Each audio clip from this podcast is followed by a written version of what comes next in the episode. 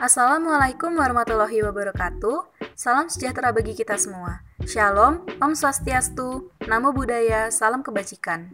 Halo teman-teman kosmologi, apa kabar? Semoga pada baik-baik aja dan sehat ya di mana pun kalian berada sekarang. Amin. Kembali lagi di Cosmocast. Di episode kali ini kalian bakal ditemenin sama aku. Sebelumnya perkenalkan, aku Adika Ivana Ginting, biasa dipanggil Adika. Aku mahasiswi Agribisnis Unpad 2018. Di episode 1, Cosmocast udah membahas tentang mental health nih. Dan sekarang di episode 2, kita bakal membahas tentang entrepreneurship. Wah, pembahasan menarik nih. Dan aku nggak sendirian sekarang. Di sini ada narasumber kita yang juga lagi menyelam di bidang entrepreneurship. Silahkan Kang, perkenalkan dirinya dulu. Ya, makasih Cak Dika. Oke, Assalamualaikum warahmatullahi wabarakatuh. Salam sejahtera untuk kita semua, eh, teman-teman semuanya. Perkenalkan nama saya Muhammad Isman.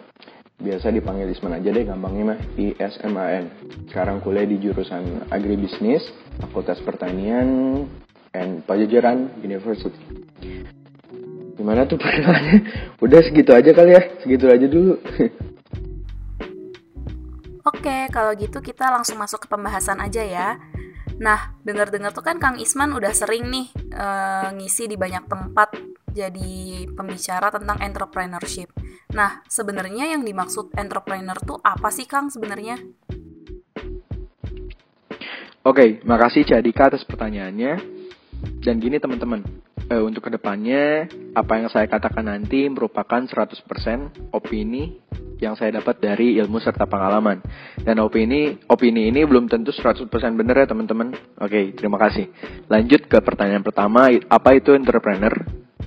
Dan apa itu entrepreneurship? Nah, mungkin ini sama tapi berbeda serupa tapi tak sama gitu teman-teman.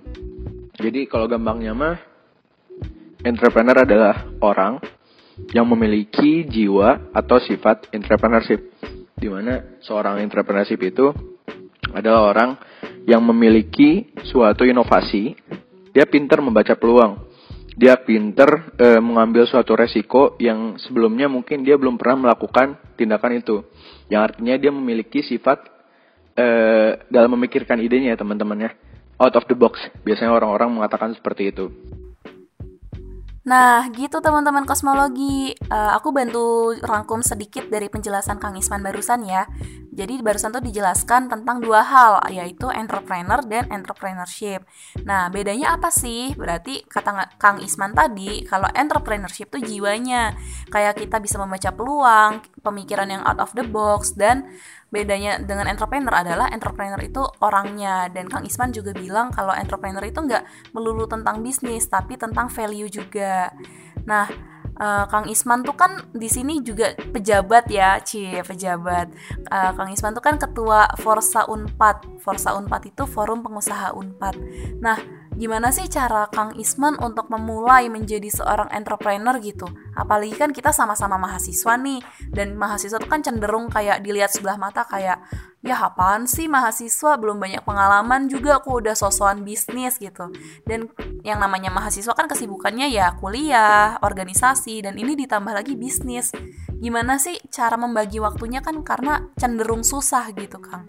Gimana cara Kang memanage itu semua? Oke, okay. mungkin kalau bisa disingkat lagi eh, pertanyaannya, yang pertama cara mulai bisnis dan yang kedua cara ngatur waktu antara kegiatan kuliah, panitiaan, organisasi maupun bisnis itu sendiri. Nah, buat ngejawab pertanyaan nomor satu, gimana sih cara mulai bisnis? Kalau dari gue sendiri sih, yang pertama berangkat dari hobi gue. Hobi gue tuh yang pertama nongkrong. Nah, di situ gue mikir gue harus menciptakan suatu value gue harus menciptakan suatu hasil agar hobi gue tuh bisa bermanfaat untuk kehidupan gue dan untuk uh, kehidupan yang lainnya. Nah akhirnya pada saat itu gue join pas maba nih, uh, gue join Forsa Unpad, forum pengusaha Unpad. Di situ kayak gimana? Gue bener-bener ketemu orang-orang yang belum ada sebelumnya gitu. Gue dapat ilmu, gue dapat uh, pengalaman hasil mereka gimana cara berbisnis, hasil membentuk suatu membentuk uh, gue menjadi seorang pembisnis.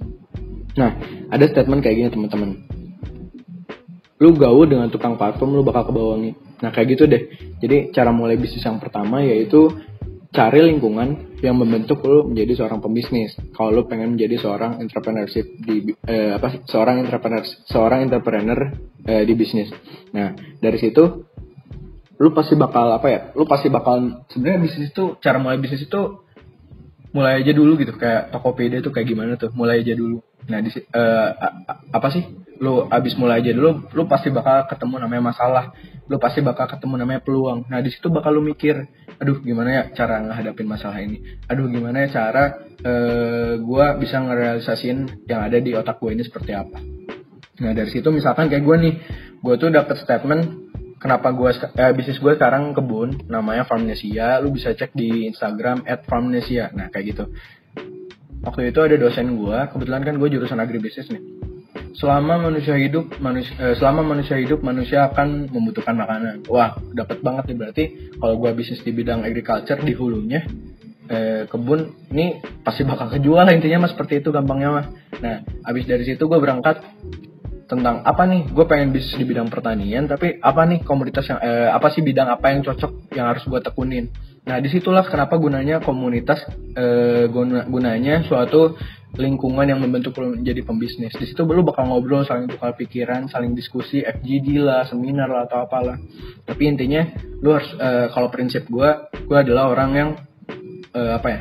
Carilah gue punya statement seperti ini carilah ilmu di mana lu merasa lu selalu merasa bodoh di lingkungan tersebut yang artinya lu nggak akan merasa puas akan ilmu lu pasti bakal haus sampai lu bisa menjadi sukses nah seperti itu pokoknya diingat-ingat ya carilah ilmu di mana lu selalu merasa bodoh di lingkungan tersebut. Dan yang kedua aduh gimana nih cara ngatur waktu antara kegiatan kuliah antara kegiatan organisasi ataupun bisnis itu sendiri? Gue ngobrol pahitnya nih cuy. Pasti ada yang dikorbanin. Nah pasti ada yang dikorbanin. Seperti apa? Lu harus bagi persen per persen. Misalkan gue untuk menjadi seorang pembisnis kayak gue nih gue uh, apa sih? Uh, untuk kuliah 50% untuk uh, apa ya untuk kuliah 50% untuk uh, ke keperluan bisnis gua atau terfokus di bisnis gua 50% juga. Yang artinya ya harus imbang gitu. Gimana caranya lu harus berpikir berpola pikir sebagai mahasiswa mengikuti kegiatan kuliah, mengerjakan tugas segala macamnya, yaitu mahasiswa seperti apa. Gimana caranya lu bisa menjadi seorang pembisnis ketemu sama orang ketemu sama investor? Gimana caranya lu manage uh, apa sih human resource yang ada di uh, perusahaan lu itu? Nah artinya dari situ kayak gue nih kalau gue punya statement bahwa kuliah tuh untuk nyari ilmu. Jadi gue kayak sekarang tuh bukan gak peduli ya uh, agak sedikit gak peduli sih. Aduh uh, eh, gue takut IPK segini segala macam dan gue juga punya statement sama bokap gue kuliah buat nyari ilmu gitu. Jadi apa yang gue dapat di ilmu kuliah apa yang gue dapat di mata kuliah di suatu mata kuliah gue langsung terapkan di bisnis gue tersebut. Jadi uh, apa ya iya itu sebenarnya nggak apa sih nggak apa sih nggak harus ditiru juga. Tapi intinya gue ngobrol pahitnya pasti ada yang dikorbanin cuy antara uh, apa sih bisnis kepanitiaan sama uh, organisasi Nah, gue sendiri sih sekarang kayak kegiatan di kuliah gue semester 1 semester 2 tuh dulu namanya organisasi kepanitiaan gue masukin semua deh. Tapi sini-sini gue mikir ya kalau gue makan semua ya gue nggak akan bisa fokus gitu. Artinya ya lo harus ngebagi antara kegiatan kuliah dan kegiatan bisnis lo sendiri. Nah, gue pengen ngasih statement juga kita tuh mahasiswa cuy agent of change. Nah kelemahan mahasiswa sekarang tuh dia kurang pede. Aduh bisnis takut gagal. Aduh bisnis takut uh, apa ya takut gak ada nggak ada modal lah segala macem lah. Terus ntar kuliah uh, ke busruk segala macam ke busruk lagi. Nah ingat lu tuh agent agent of change cuy. Lu apa ya lu nih gue ada statement kayak gini lagi. Jangan ragu untuk memulai. Ragulah jika kalian belum mengetahui apa yang harus kalian mulai ini bukan di bisnis juga sih yang harus gue tekanin. Ini gue ingin memberikan suatu persepsi di mana lo sebagai mahasiswa lo pede gitu. Sekarang tuh umur umurnya lo uh, apa ya umur umurnya lo untuk keluar mencari ilmu segala macam itu ini tuh umur umurnya dan satu kelemahan mahasiswa sekarang mahasiswa sekarang tuh kurang pede. Dia terlalu diribetkan dengan apa yang dia pikirkan tapi realisasi realisasinya nggak ada seperti itu. Nah, gagal tuh yang pertama merupakan step menuju kesuksesan. Yang artinya lu kalau gagal, lu harus berpikirnya, aduh gua gagal, aduh gua akan nyoba lagi. Tapi lu harus berpikiran bahwa kalau lu gagal, ya lu bak lu udah satu step eh, di atas mereka-mereka semua yang belum pernah nyoba gagal. Dari gagal lu harus belajar cara untuk menyelesaikan masalah itu seperti apa. Cara untuk eh, apa ya, tidak jatuh ke lubang yang sama itu seperti apa. Mungkin gitu teman-teman. untuk cara memulai bisnis dan cara ngatur waktu antara kegiatan kuliah, organisasi, dan bisnis itu sendiri. Yes, I'm totally agree with you. Karena aku juga benar-benar setuju sih lingkungan itu sangat berpengaruh kan. Kayak di mana kita tumbuh ya kita akan terbentuk mirip seperti itu. Dan makasih ya Kang Isman remindernya karena aku salah satu orang yang pengen bisnis tapi aku masih takut gitu kita benar-benar diingetin lagi guys kalau ternyata kita sebagai mahasiswa tuh kita emang agent of change. Jadi jangan takut untuk mengambil sebuah langkah gitu mungkin ya. Nah lanjut lagi nih Kang. Kan yang namanya memulai bahkan waktu melaksanakan tuh ada yang namanya tantangan. Nah dari semua proses itu kira-kira tantangannya apa aja sih dan apa yang paling beratnya? Oke cewek mantep banget ya. Sabi-sabi. Oke lanjut aja ke pertanyaan selanjutnya. Eh, lu dalam memulai bisnis tantangan lu seperti apa? Nah kalau bagi gue nih tantangan terbesar gue dalam berbisnis tuh gue kadang menemukan sesuatu hasil yang gak sesuai dengan apa yang gue rencanakan. Di situ kayak lu mental lu kena budgeting modal lu juga kena apa yang lu udah di, lu kayak merasa seakan-akan apa yang lu usahakan tuh vaksit lah anjir. Udah gue pengennya gagal uh, gue gagal mulu gagal mulu gagal mulu. Gak sukses sukses gak sukses sukses. Yang perlu lu perhatiin itu yang pertama gue selalu menerapkan kayak tadi kalau gue gagal ya udah ini gue satu langkah menuju kesuksesan gitu. Tapi jangan gagal lu nggak bangkit lagi gagal gagal gagal ya terus. Lu harus bangkit cuy. Lu harus pahamin masa lalu apa lu harus beresin masa lalu apa sehingga menjadi suatu kesuksesan. Nah yang kedua nih kita bakal bahas mengenai aduh e, lebih kepada normatif sih masalah-masalah mahasiswa yang pengen mulai bisnis itu seperti apa. Mas um, tantangannya tuh aduh gue pengen bisnis tapi modal gue dari mana? Aduh gue pengen bisnis tapi gue kuliah juga ntar kuliah gue keteteran ntar gue aduh aduh aduh aduh kebanyakan aduh deh kawan-kawan. Tapi kayak apa ya saran dari gue sih lu harus cari mentor cuy. Lu kayak gimana? Soalnya mentor tuh yang pertama dua dia punya teori dan pengalaman. Dia udah punya ilmunya dan pengalaman yang dia punya juga udah hasil gitu udah kelihatan gitu. Nah di situ lu tanya deh kayak keresahan lu tuh apa lu cara pengen mulai modal lu ketemu sama apa? Ketemu cari lu harus cari mentor yang sebi ya, iya lu harus cari mentor yang sebidang sama lu juga maksudnya lu pengen bisnis di bidang pertanian tapi lu cari mentor bidang parfum. Ya agak nggak nyambung juga sih kayak gitu ya. Nah di situ lu bisa konsul deh setiap lu punya masalah Eh, setiap lu punya apa ya punya sesuatu yang tadi kayak gue hasil yang tidak sesuai dengan apa yang diinginkan pasti mereka juga punya gitu. Pasti mereka juga menemukan suatu masalah yang sama yang serupa. Nah lu bisa konsul sama mentor itu itu gunanya mentorship tuh seperti itu kawan-kawan ya kurang lebihnya seperti itu sih. Nah, bener banget tuh. Aku secara personal juga ngalamin soalnya. Kayak pas udah udah mimpi nih kan ah pengen bisnis A deh. Tapi kayak duh kalau gini gimana ya? Kalau gitu gimana ya? Dan emang beneran banyak aduhnya yang bikin aku sampai sekarang belum untuk merealisasikan mimpi itu gitu. Dan beneran tips and trick dari Kang Isman tuh berguna loh. Thank you ya Kang. Ini juga bisa ya uh, diterapin sama teman-teman kosmologi yang pengen mulai bisnis tuh. Bisa tuh disimak baik-baik. Nah lanjut ya Kang. Dari tadi tuh kan kita ngomongin tentang entrepreneur entrepreneurship. Nah sebenarnya kenapa sih kita harus menjadi seorang entrepreneur? Memang benefit buat kita tuh apa? Apa benefit entrepreneurship yang ada buat kita tapi itu nggak kita temuin di profesi lain. Mungkin bisa dijawab, Kang? ya, kurang lebihnya seperti itulah kawan-kawan. Buat Cik Adika juga, eh, makasih bagus banget pertanyaannya nih. Tapi perlu ditekankan lagi, itu merupakan suatu opini. Jadi belum tentu 100% benar. Benar menurut pandangan saya doang gitu. Nah, lanjut nih ke pertanyaan selanjutnya nih. Kalau menurut saya sih keren banget sih pertanyaan. Ya alasan kenapa gue memilih menjadi seorang entrepreneur buat prodi gue ke depannya seperti apa. Nah alasannya alasan pertama karena itu merupakan hobi gue ya lu pikirin aja kayak gimana. Lu melakukan suatu apa yang lu suka lu bekerja atas dasar hati lu bekerja karena lu hobi ya lu ke depannya tidak akan merasa capek cuy. Karena apa yang lu kerjakan itu sesuai dengan apa yang lu suka lu nggak akan ngerasa capek gitu. Lu nggak akan ngerasa terbebani karena lu bekerja dengan hati. Yang kedua kenapa gue memilih uh, entrepreneur sebagai prodi gue ntar? Karena tidak terikat dengan namanya waktu. Gue bisa bekerja kapan saja di mana saja.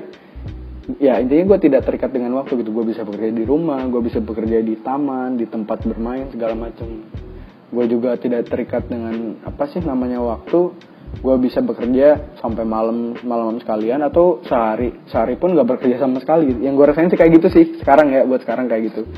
Tapi ya gue nggak pengen berbicara apa ya enak-enaknya doang. Ya justru gue pengen berbicara pahit-pahitnya doang gitu. Jadi seorang entrepreneur tuh lo jangan beranggapan enak lo jangan beranggapan uh, apa sih langsung sukses segala macam. Justru seorang entrepreneur tuh lebih bakal lebih susah daripada orang yang bekerja menurut gue karena lu mengorbankan seluruh badan lu mengorbankan seluruh pikiran lu untuk menjadi pengatur. Kalau bekerja kan ya lu normatifnya uh, apa sih lu uh, menjalankan suatu program segala macam yang udah ada gitu. Tapi ya kalau menjadi seorang entrepreneur itu nggak gitu cuy. Kayak lu pasti lebih berat. Gue ngasih pahitnya ngasih pahitnya aja. Lu pasti ngerasa kayak gimana ya? Ya diberatkan aja gitu dalam segala hal prosesnya. Tapi kembali lagi karena gue suka gitu terhadap uh, apa sih dan kebetulan sesuai dengan hobi gue dan jurusan gue nih sekarang agribisnis nih. Ya gue alhamdulillahnya tidak merasa capek gitu. Selalu ada aja yang motivasiin selalu ada aja jalan keluar dari apa sih lingkungan gue dari pertemanan gue segala macam. Seperti itu kenapa alasan gue pengen menjadi suatu entrepreneur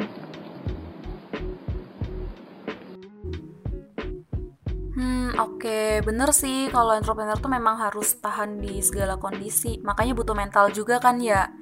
Nah, terus aku jadi penasaran deh Kang, di luar sana kan banyak banget nih orang sebagai entrepreneur juga yang otomatis rekan seprofesi tapi juga jadi rivalnya Akang nih. Nah, dengan banyaknya entrepreneur di luar terlepas itu dari sebidang ataupun gak sebidang sama Akang, gimana sih caranya Akang untuk bisa bertahan gitu, bisa bersaing sehat tapi Akang tuh nggak kalah dan nggak nggak tenggelam gitu. Jadi bisa bersaing sehat tapi tetap bertahan. Itu gimana sih caranya? Oke, okay, Nah, untuk menjawab pertanyaan itu, saran dari Akang sih jadikan kawan bukan lawan.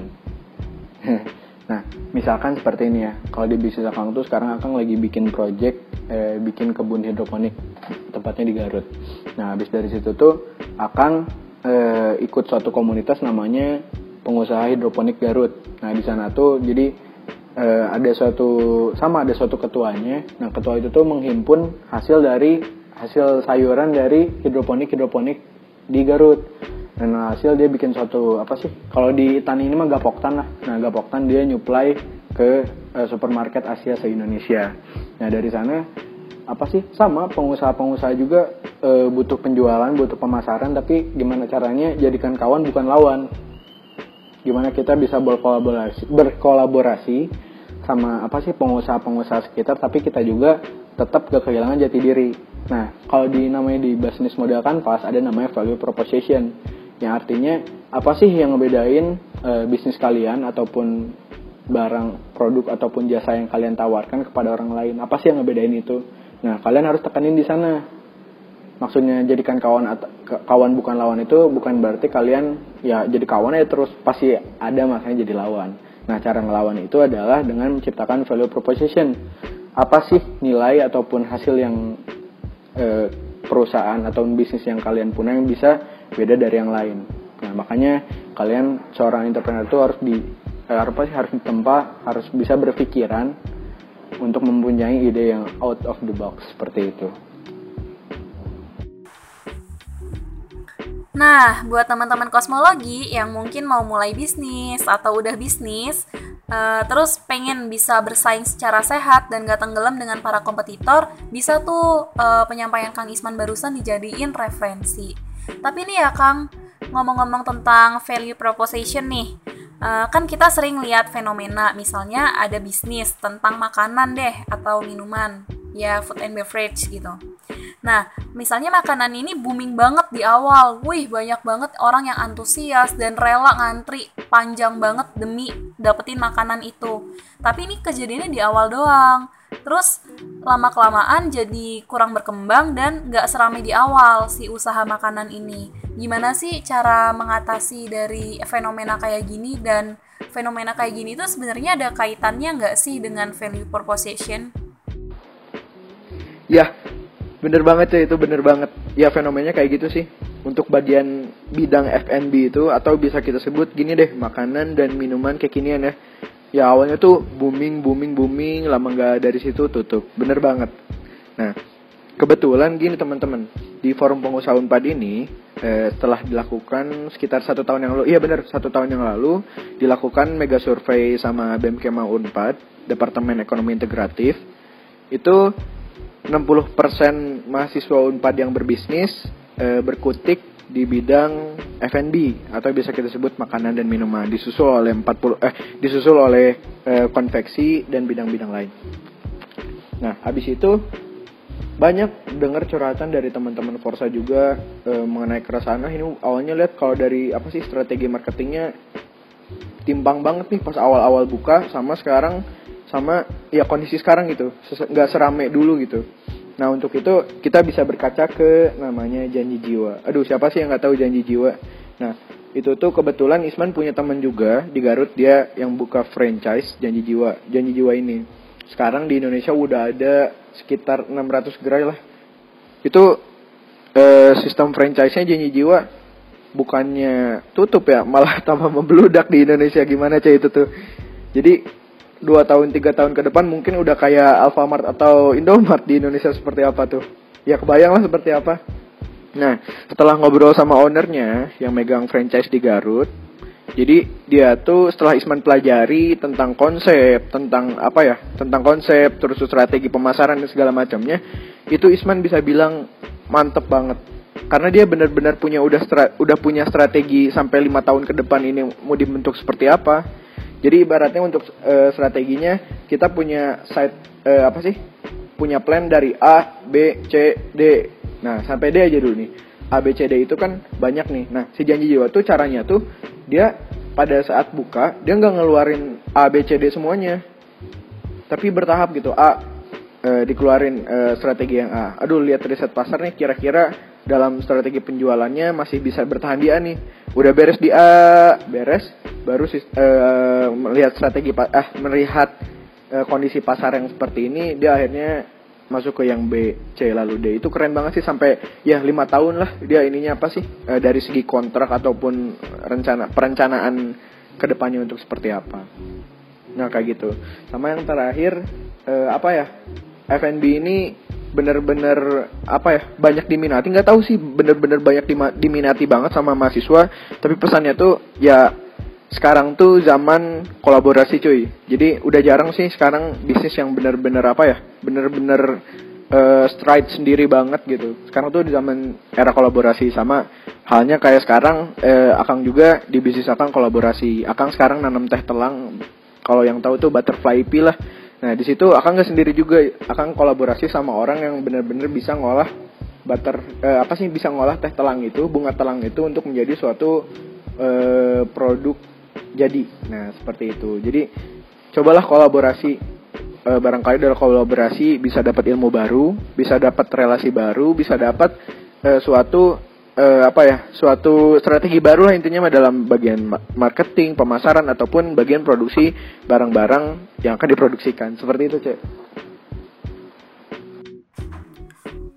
Oh gitu. Berarti di sini kita bisa lihat kan sepenting itu dalam penyusunan sebuah strategi itu. Karena kalau kita salah strategi, ya ibaratnya bisnis kita juga bisa ambiar kan. Nah, buat teman-teman kosmologi yang pengen bisnisnya ibaratnya panjang umur bisa nih belajar juga dari strateginya janji jiwa kayak yang dikasih tahu Kang Isman tadi. Eh tapi kita nggak dibayar sama janji jiwa ya jadi emang ini kita belajar dari secara bisnisnya. Nah ngomongin tentang strategi dalam dalam peluncuran ide dan menu-menu baru itu nyambung juga nih Kang sama pemasaran dari produknya Nah, gimana sih cara pemasaran yang baik dari suatu produk yang kita jual gitu? Nah, kalau apalagi nih pengalaman Kang Isman di bidang pertanian, mungkin bisa dijelasin lebih ke arah pertaniannya juga ya Kang?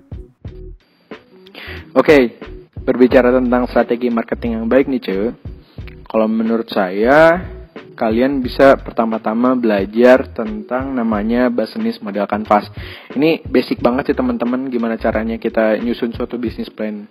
Nah, yang pertama-tama di business model canvas ini, pertama-tama kalian akan lihat namanya customer segments.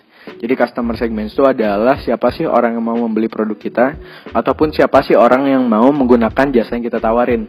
Nah, dari sana kalian bisa loncat ke namanya value proposition. Value proposition itu seperti yang tadi udah dikatain bahwa apa sih yang bedain bisnis kalian dengan kompetitor-kompetitor lain ataupun ya nilai jual tambah lah istilahnya kayak tadi ya. Nah, terus abis itu kalian bakal ada namanya channels. Jadi channels itu gimana eh, apa ya produk atau jasa yang kalian tawarin tuh sampai ke si customer segment, sampai ke konsumen yang bakal kalian tuju dengan value proposition yang teman-teman punya. Nah, sampai dari situ kita bisa dapat kesimpulan bahwa strategi marketing yang baik tuh adalah gimana caranya kita menyusun suatu strategi agar eh, rancangan yang kita tuju itu ya berupa eh, produk ataupun jasa yang kita tawarin itu sampai ke customer segment kita. Nah, contohnya nih seperti Farmnesia. Farmnesia itu salah satunya eh, kita menjual namanya eh, edible flower. Jadi bunga bisa dimakan meskipun sekarang tahap sekarang tuh masih ke satu fokus di satu komoditas bunga yaitu di bunga telang. Nah, dari situ customer segment yang kita tuju itu adalah orang yang menengah ke atas secara ekonomikal, cara ekonominya, tingkat ekonominya. Nah, kalau sekarang kita jual ke pasar, pasar tradisional, itu bakal dihargain murah. Sedangkan dari edible flower sendiri kan bisa dikatain uh, sekilo sekilonya bunga edible flower bisa dihargain sekitar 2 juta setengah. Kalau kita jual ke pasar disamain dengan sayuran mah bisa dapat 8 8 ribu sampai atau 2000 sekilo juga bisa. Nah, jadi kita harus tahu nih customer segment yang bakal kita tuju itu seperti apa. Kalau dibilang pertanian ataupun sayuran organik. Nah, kebetulan kan e, main di hidroponik juga. Nah, kalau main di hidroponik, temanya juga sayuran organik. Berarti konsumen yang kita tuju sama menengah ke atas. Kalau kita jual ke pasar dan disamain seperti petani-petani konvensional, ya tahulah nilai harga jualnya seperti apa gitu kawan-kawan. Kalau menurut saya sih strategi marketing yang baik itu saya ulangi adalah gimana caranya kita ngebangun suatu strategi agar produk atau jasa yang kita tawarin tuh sampai ke customer segmen kita, sampai ke konsumen yang bakal kita tuju. Seperti itu kawan-kawan. Nah, berarti dalam strategi pemasaran bagaimana caranya agar produk kita ini bisa sampai ke customer segment. Berarti ini kan juga merupakan sebuah penyusunan strategi nih Kang. Nah nyambung nih sama yang tadi sempat disinggung mengenai mentor dan partner. Tadi Kang Isman juga udah ngomong sekarang tuh zamannya kolaborasi cuy. Nah kayak gitu kan. Nah sebenarnya posisi mentor dalam bisnis ataupun posisi uh, teman kolaborasi dalam bisnis itu sepenting apa sih Kang? Nah, seperlu apakah kita berpartner dalam membangun sebuah bisnis dan apakah mentor ini bisa sebagai partner atau partner bisa sebagai mentor atau dua hal ini merupakan hal terpisah Kang? Oke, jadi pertanyaannya seberapa penting sih fungsi mentor dan partnership dalam berbisnis itu? Yang pertama kita bahas dari mentor terlebih dahulu. Nah, kita ibaratin deh gampangnya cara menggunakan sepeda ataupun cara menjalankan sepeda. Nah, seorang mentor hanya memberikan statement kita sebut pembelajar kepada seorang pembelajar bahwa kamu harus bisa menggunakan sepeda.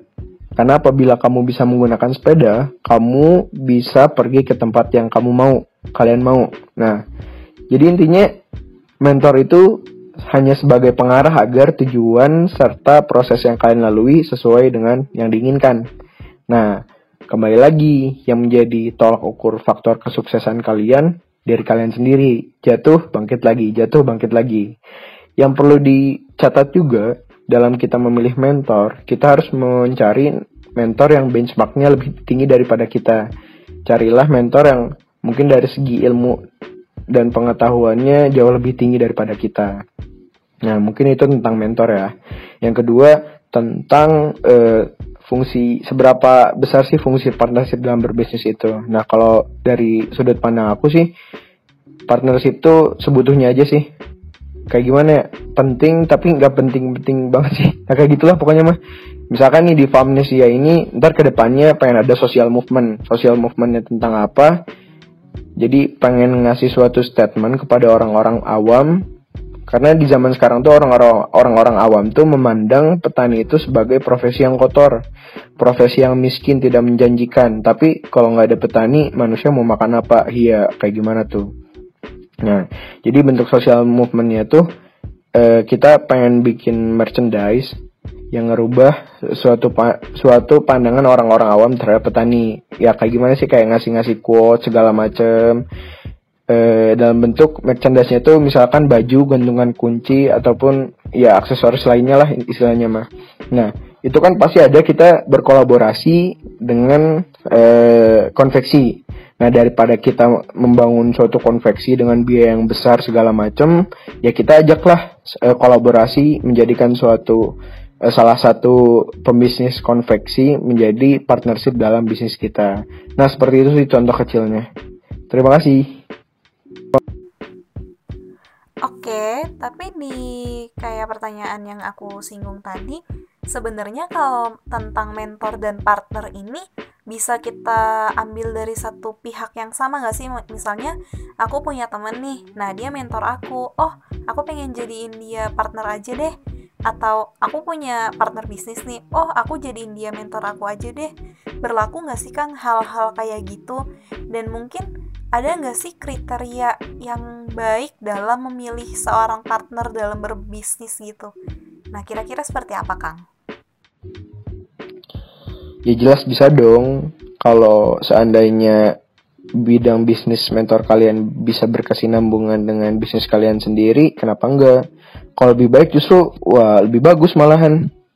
Nah, tapi ingat berkesinambungan di sini itu uh, dalam segi apa kita bisa berkolaborasi dengan mereka. Nah, misalkan kita ingin berkolaborasi dalam hal ilmu pengetahuan serta pengalaman. Kita nanya nih gimana cara memulai bisnis itu, gimana cara mempertahankan bisnis, gimana strategi pemasaran yang baik. Itu bisa banget teman-teman e, berkolaborasi dengan mentor mentor kalian dalam hal seperti itu. Tapi coba pikirin berkolaborasi dalam teknik teknis maaf ya, dalam teknis bisnisnya. Misalkan nih kalian bisnis di bidang pertanian mentor kalian bisnis di bidang e, properti atau biasanya penyedia alat-alat bangunan lah seperti itu. Nah jelas beda kan e, apa sih kalian prodinya antar makanan dan minuman, mentor kalian prodinya tuh untuk membentuk gedung, membangun rumah, membangun gedung dan segala macamnya. Jadi pasti ada yang dikolaborasikan sih entah itu dalam bentuk ilmu pengetahuan, pengalaman maupun teknis dari bisnis itu sendiri. Ya, paham kan seperti itu. Nah, lanjut nih ke pertanyaan kedua. Jadi per pertanyaan kedua, ada nggak sih kriteria kita dalam memilih partnership?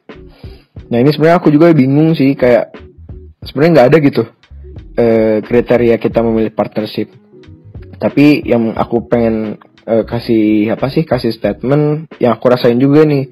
Seorang organisator dan seorang pembisnis itu beda. Beda dalam cara bertindak beda dalam cara mengambil keputusan beda dalam melihat suatu peluang. Nah yang hal yang paling menonjol yang beda itu yang aku rasain sih ya. Uh, kan dulu aku seorang organisator juga. Dalam seni berbicara dalam seni berkomunikasi. Kalau seorang pembisnis itu kapan kita harus mengeluarkan apa yang kita punya kapan kita uh, hanya mengeluarkan sedikit dari banyak yang kita punya. Jadi lebih kepada ngobrol hati ke hati bisa kita kita harus uh, menget, harus mengetahui maksud si orang ngedatengin kita seperti apa. Pokoknya banyak lah seperti itulah. Jadi kalau pengen tahu ditunggu ya. Coba ayo kita mulai bisnis. seperti itu teman-teman. Nah, Kang Isman udah bilang tuh ditunggu bisnisnya. Jadi, buat teman-teman kosmologi yang emang udah punya niat untuk bisnis atau emang udah mulai bisnis, jangan lupa ya untuk terus semangat dan kalau misalnya mau konsul juga bisa tuh sama Kang Isman ya, Kang. Nah, uh, terakhir nih Kang Isman, aku mau nanya karena tadi berhubung Kang Isman juga udah ngajakin orang untuk menjadi seorang entrepreneur, Nah, sebenarnya kunci utama untuk menjadi entrepreneur yang sukses itu kayak gimana sih, Kang? Idih, bisa banget tuh, Ce. Jadi, buat teman-teman kosmologi, eh bener ya? Buat teman-teman kosmologi yang tertarik di bidang entrepreneurship, di perkuliahan, boleh deh kita ntar diskusi. Jangan malu ya buat nyapa, cari aja Muhammad Isman 2018 carinya di Mangapun kalau nggak di Mangapun ya di Griffin kalau malam. Anak perkuliahan banget ya. Nah habis dari situ tadi pertanyaannya gimana sih kiat-kiat menjadi seorang entrepreneur yang sukses itu? Ya menurut aku tuh sebenarnya buat menjadi seorang entrepreneur yang sukses itu nggak ada patokannya sih nggak ada rumus pastinya juga. Karena apa? Karena aku percaya setiap orang tuh beda aku percaya setiap orang tuh unik Aku percaya setiap orang tuh punya kelebihan dan kekurangannya masing-masing. Nah, untuk itu harus percaya dengan diri sendiri, harus percaya dengan potensi yang dipunya. Sebelum itu, kalian harus temuin potensi yang kalian punya itu seperti apa. Nah, habis dari situ, aku sedikitnya pengen ngasih kiat-kiat e, sukses sih dalam menjadi suatu entrepreneur yang baik itu seperti apa. Nah, mungkin yang pertama kalian harus fokus. Jadi pengibaratannya kita kasih pengibaratan lagi deh biar seru. Cara e, membesarkan anak. Ya ibaratnya kalian udah punya anak nih. Nah, cara ngegedenya itu seperti apa? Atau kalian dalam fase kecil menuju dewasa itu seperti apa? Yang pertama dalam balita atau biasa kita sebut anak-anak lah. Nah, kadang dalam kita kalian pernah nggak sih pas anak-anak atau ntar kalian udah punya anak umur balita tuh adalah umur yang benar-benar kita ngasih semua tenaga kita, pikiran kita kepada perhatian kita kepada anak-anak itu. Karena gimana pun juga anak-anak eh, apa sih? Pas anak-anak tuh yang akan menentukan besarnya seperti apa anak-anak itu. Jadi kalian ngasih edukasi, kalian ngasih pembelajaran, kalian ngasih adab kepada anak yang baik itu seperti apa. Jadi bentuk perhatian yang kalian kasih tuh lebih gitu di pas di anak-anak tuh. Nah, lanjut nih ke fase remaja fase remaja tuh menurut aku ya biasa sih kayak kita ini fasenya yang labil. Sok percaya diri padahal nggak bisa. Nah intinya kayak gitu. Jadi itu merupakan menurut aku fase yang kayak apa ya harus diperhatiin juga. Berbahaya karena takutnya salah langkah dalam mengambil suatu keputusan. Jadi di fase remaja ini dalam ngurus anak ya gimana pun juga kita harus tahu kita harus pahami nih bisnis kita tuh uh, identitasnya itu seperti ini, dalamannya itu seperti ini. Berarti mau gak mau kita harus riset pasar. Dan yang terakhir uh, fase dewasa. Fase dewasa tuh di dalam merawat anak dia udah dewasa nih, udah bisa ditinggalin, udah bisa hidup mandiri.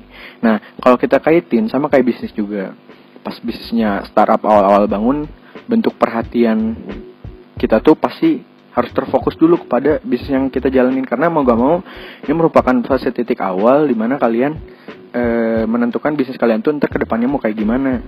Istilahnya mah e, cari jati diri lah ntar bisnis kalian itu dikenal sama orang tuh sebagai e, apa.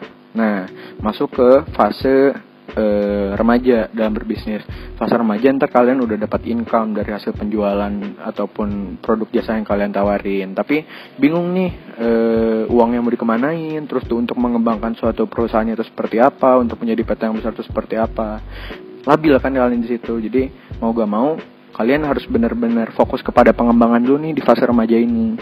Dan yang terakhir mungkin fase dewasa. Kalian dengan kalian tidak memantau juga bisnis kalian udah bisa berjalan sendiri. Jadi bentuk perhatian yang kalian kasih tidak sebesar pada saat remaja dan dewasa. Nah yang kedua kiat-kiat dari aku tuh lebih ke perbanyak relasi. Karena menurut aku sih eh, bisnis itu soal ilmu dan relasi. Jadi kalian punya ilmu, kalian berdiskusi dengan orang lain, kenal banyak dengan orang lain, dari situ kalian dapat ilmu baru. Sehingga apa yang kalian punya dengan uh, ilmu orang lain yang punya bisa dikombainin tuh. Kamu kalian tahu, tentang ilmu A, misalnya ntar diskusi akan tahu tentang ilmu B. Jadi kita sama-sama tahu gitu tukeran ilmu. Dari sana biasanya tuh seorang teman-teman di Forza juga pas ketemu eh tiba-tiba ada kesamaan bisa dikolaborasiin apa yang cocok apa yang cocok. Dari situ aja tuh eh, apa sih kita bakal tahu pasar yang baik eh, untuk bisnis kita tuh seperti apa. Ada intinya mah kayak gitu sih bener. Cari relasi sebanyak mungkin. Karena kalau eh, apa sih kalau kalian di bisnisnya kupu-kupu eh, diem aja kita nggak tahu nih eh, apa sih pasar yang ada di luar tuh seperti apa. Terus juga cari ilmu jangan jangan selalu merasa cukup lah atas apa yang udah dicapai Jadi harus selalu tadi kayak yang pertama itulah harus selalu merasa bodoh sama ilmu yang didapat. Habis itu ya cukuplah seperti itu. Mungkin dua aja dari aku. Semoga bermanfaat teman-teman. Semoga bisa menjadi seorang entrepreneurship yang sukses. Semoga bisa bisa bermanfaat untuk orang lain, bagi diri sendiri, selebihnya untuk orang lain. Seperti itu teman-teman. Oke, berarti uh, dari penyampaian Kang Isman barusan, kalau menurut Kang Isman menjadi entrepreneur sukses itu, yang pertama butuh fokus dan kedua perbanyak relasi. Nah, terima kasih ya Kang Isman udah mau sharing-sharing hari ini. Makasih untuk uh, ilmunya, terima kasih untuk sharing pengalamannya. Kan tadi Kang Isman bilang nih, uh, kalau misalnya mau nyari Kang Isman bisa di Mang Apun, kalau nggak di Griffin. Nah kalau misalnya teman-teman lagi nggak bisa ke situ tuh kayak sekarang kan lagi pandemi, bisa chat ke mana sih atau kontak Kang Isman yang bisa dihubungin gitu Instagramnya atau apa barangkali mau di share? Aduh kece makasih banget nih, aduh jadi malu nih. Eh, tapi buat teman-teman ingat ya ini masih berupa opini segala macam jadi ambil yang baik dan buang yang buruk seperti itu. Boleh nih kalau pengen kontak-kontak eh, Akang bisa dilihat Instagramnya at mttigisman12 kalau lainnya at bang underscore sito. Agak aneh sih tapi nggak apa-apa seperti itu. Kalau nomor WhatsApp kayaknya nggak usah deh. Makasih teman-teman. Nah, sekali lagi mohon maaf dan terima kasih Oke, okay, thank you Kang Isman. Makasih banyak udah mau ngeluangin waktunya hari ini buat sharing-sharing tentang ilmu dan pengalamannya. Semoga Kang Isman juga di kuliahan, di organisasi, dan di bisnisnya makin sukses dan makin lancar terus ya. Nah, buat teman-teman kosmologi, kalau tadi udah dengerin, terus ada yang dibingungin nih, terus pengen nanya, bisa banget langsung hubungin Kang Isman dari Instagramnya. Nah, teman-teman kosmologi tahu nggak sih jadi tadi aku habis cek data nih, dan ternyata pemerintah tuh mengeluarkan statement kayak gini. Indonesia butuh sekitar 14% entrepreneur karena dinilai dapat membantu menggenjot perekonomian bangsa. Tapi sampai saat ini baru ada sekitar 3,1%. Nah, di sini tuh pas banget. Ini emang momennya mahasiswa banget. Kita sebagai mahasiswa kita sebagai agent of change kita bisa ambil peran dalam momen kayak gini. Nah buat teman-teman kosmologi yang udah pengen banget uh, buat bisnis nih gak usah takut karena emang kita tuh sebenarnya dibutuhkan teman-teman. Nah buat teman-teman yang udah pengen bisnis tapi masih ragu-ragu yuk berani ambil langkah karena kita nggak akan tahu kalau kita nggak mencobanya lebih dulu. Eh, nah semoga dari apa pun yang tersampaikan hari ini bisa membantu teman-teman, bisa menguatkan tekadnya teman-teman, dan bisa menjadi ilmu baru juga buat yang dengerinnya. Nah mungkin sekian dari aku. Terima kasih ya udah mau dengerin dari awal sampai akhir. Maafin kalau terdapat banyak salah-salah kata atau pengucapan. Teman-teman kosmologi juga jaga kesehatan terus ya dan kita sama-sama berdoa semoga pandemi COVID-19 ini segera berakhir dan kita bisa segera bertemu lagi. Nah, Teman-teman kosmologi, jangan lupa kalau misalnya mau cek-cek info terbaru tentang kosmologi, dilihat di Instagramnya @kosmologi2020 c o s m o l o g i 2020. Di situ nanti banyak info-info tentang kosmologi. Kalau misalnya mau follow aku juga boleh, aku mau uh, aku, mau promosi juga nggak apa-apa ya. Nah, kalau aku Instagramnya @adikaig. Nah, mungkin sekian dulu untuk pertemuan kali ini. Terima kasih yang udah mendengarkan. Aku Adika Ivana pamit undur diri. Sampai ketemu di episode selanjutnya. Bye bye kosmologi.